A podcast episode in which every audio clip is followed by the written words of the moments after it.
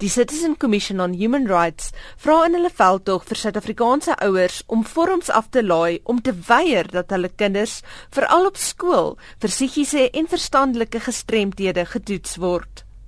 Volgens hulle mediaverklaring lei hierdie tipe toetse daartoe dat psigiaters psigotropiese medikasie aan kinders voorskryf. 'n Psigiatrie-dosent by die Universiteit van Stellenbosch, Dr. Sue Hawkridge, sê dit is 'n gevaarlike stelling om te maak. Sulke tipe toetse is belangrik om die eerste tekens van neurologiese versteurings soos onder meer autisme en bipolariteit te identifiseer. Hawkridge gee die volgende advies aan ouers. This is obviously general and every child is different, every family is different and every parent is different, but the first thing they need to be aware of is that I mean, let's talk about Ritalin. The diagnosis of attention deficit hyperactivity disorder should be made by somebody qualified to make it because the differential for that, I mean, children may look as if they've got ADHD when they're actually suffering from anxiety, if they're depressed, if they're super bright and very bored in class, if they're seriously struggling academically in the class, if they've got autism spectrum disorders, even if they've got worms or if they can't hear properly or they can't see properly. There's an absolute slew of things that can actually look like attention deficit hyperactivity disorder. So they've got to make sure that the diagnosis is made by someone who's considering all the other possible causes. Hawkridge sê wêreldwyd ly sowat 5 tot 9% van die bevolking aan aandagafleibare hiperaktiwiteitsversteuring, oftewel ADHD. And there's a lot of discussion to be had about whether it's an actual disorder, whether the, the fact is that some children present with very serious impairment from serious distractibility and very high levels of activity and they do respond to stimulant medication.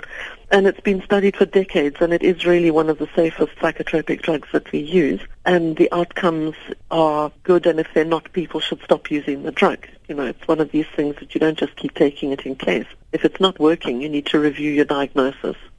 Volgens Hawkridge is medisyne ook nie die enigste oplossing nie.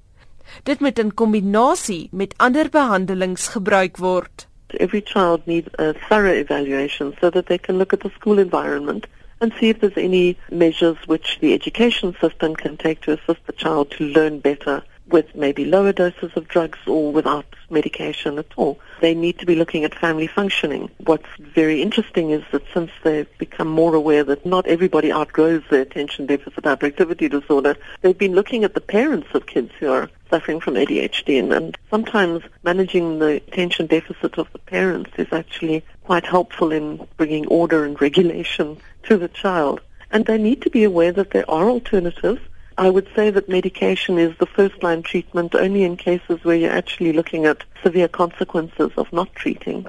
Maar sy sê ongelukkig is alternatiewe behandelings vir ADHD nie altyd moontlik in ons land nie.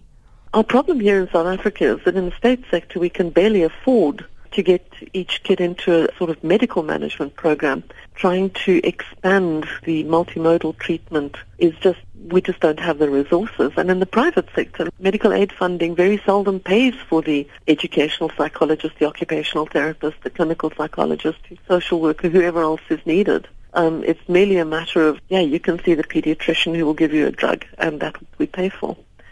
En om terug te keer na die veldtog teen psigiatrie medikasie, sê Hawkridge dat ouers die reg het om 'n algemene praktisyn voorskrif te bevraagteken of om selfs 'n tweede opinie te kry oor 'n psigiater se behandeling. Parents should be allowed to question what their children are being given. I wish a lot more would, because a lot of the difficulties that we have is that the parents just want a pill to make the kid behave. And in fact, what we really need to be doing is looking at what's going on in the family between the parents and the children. And helping in terms of skills in managing children's behavior, which isn't always easy, and it can be really quite soul destroying.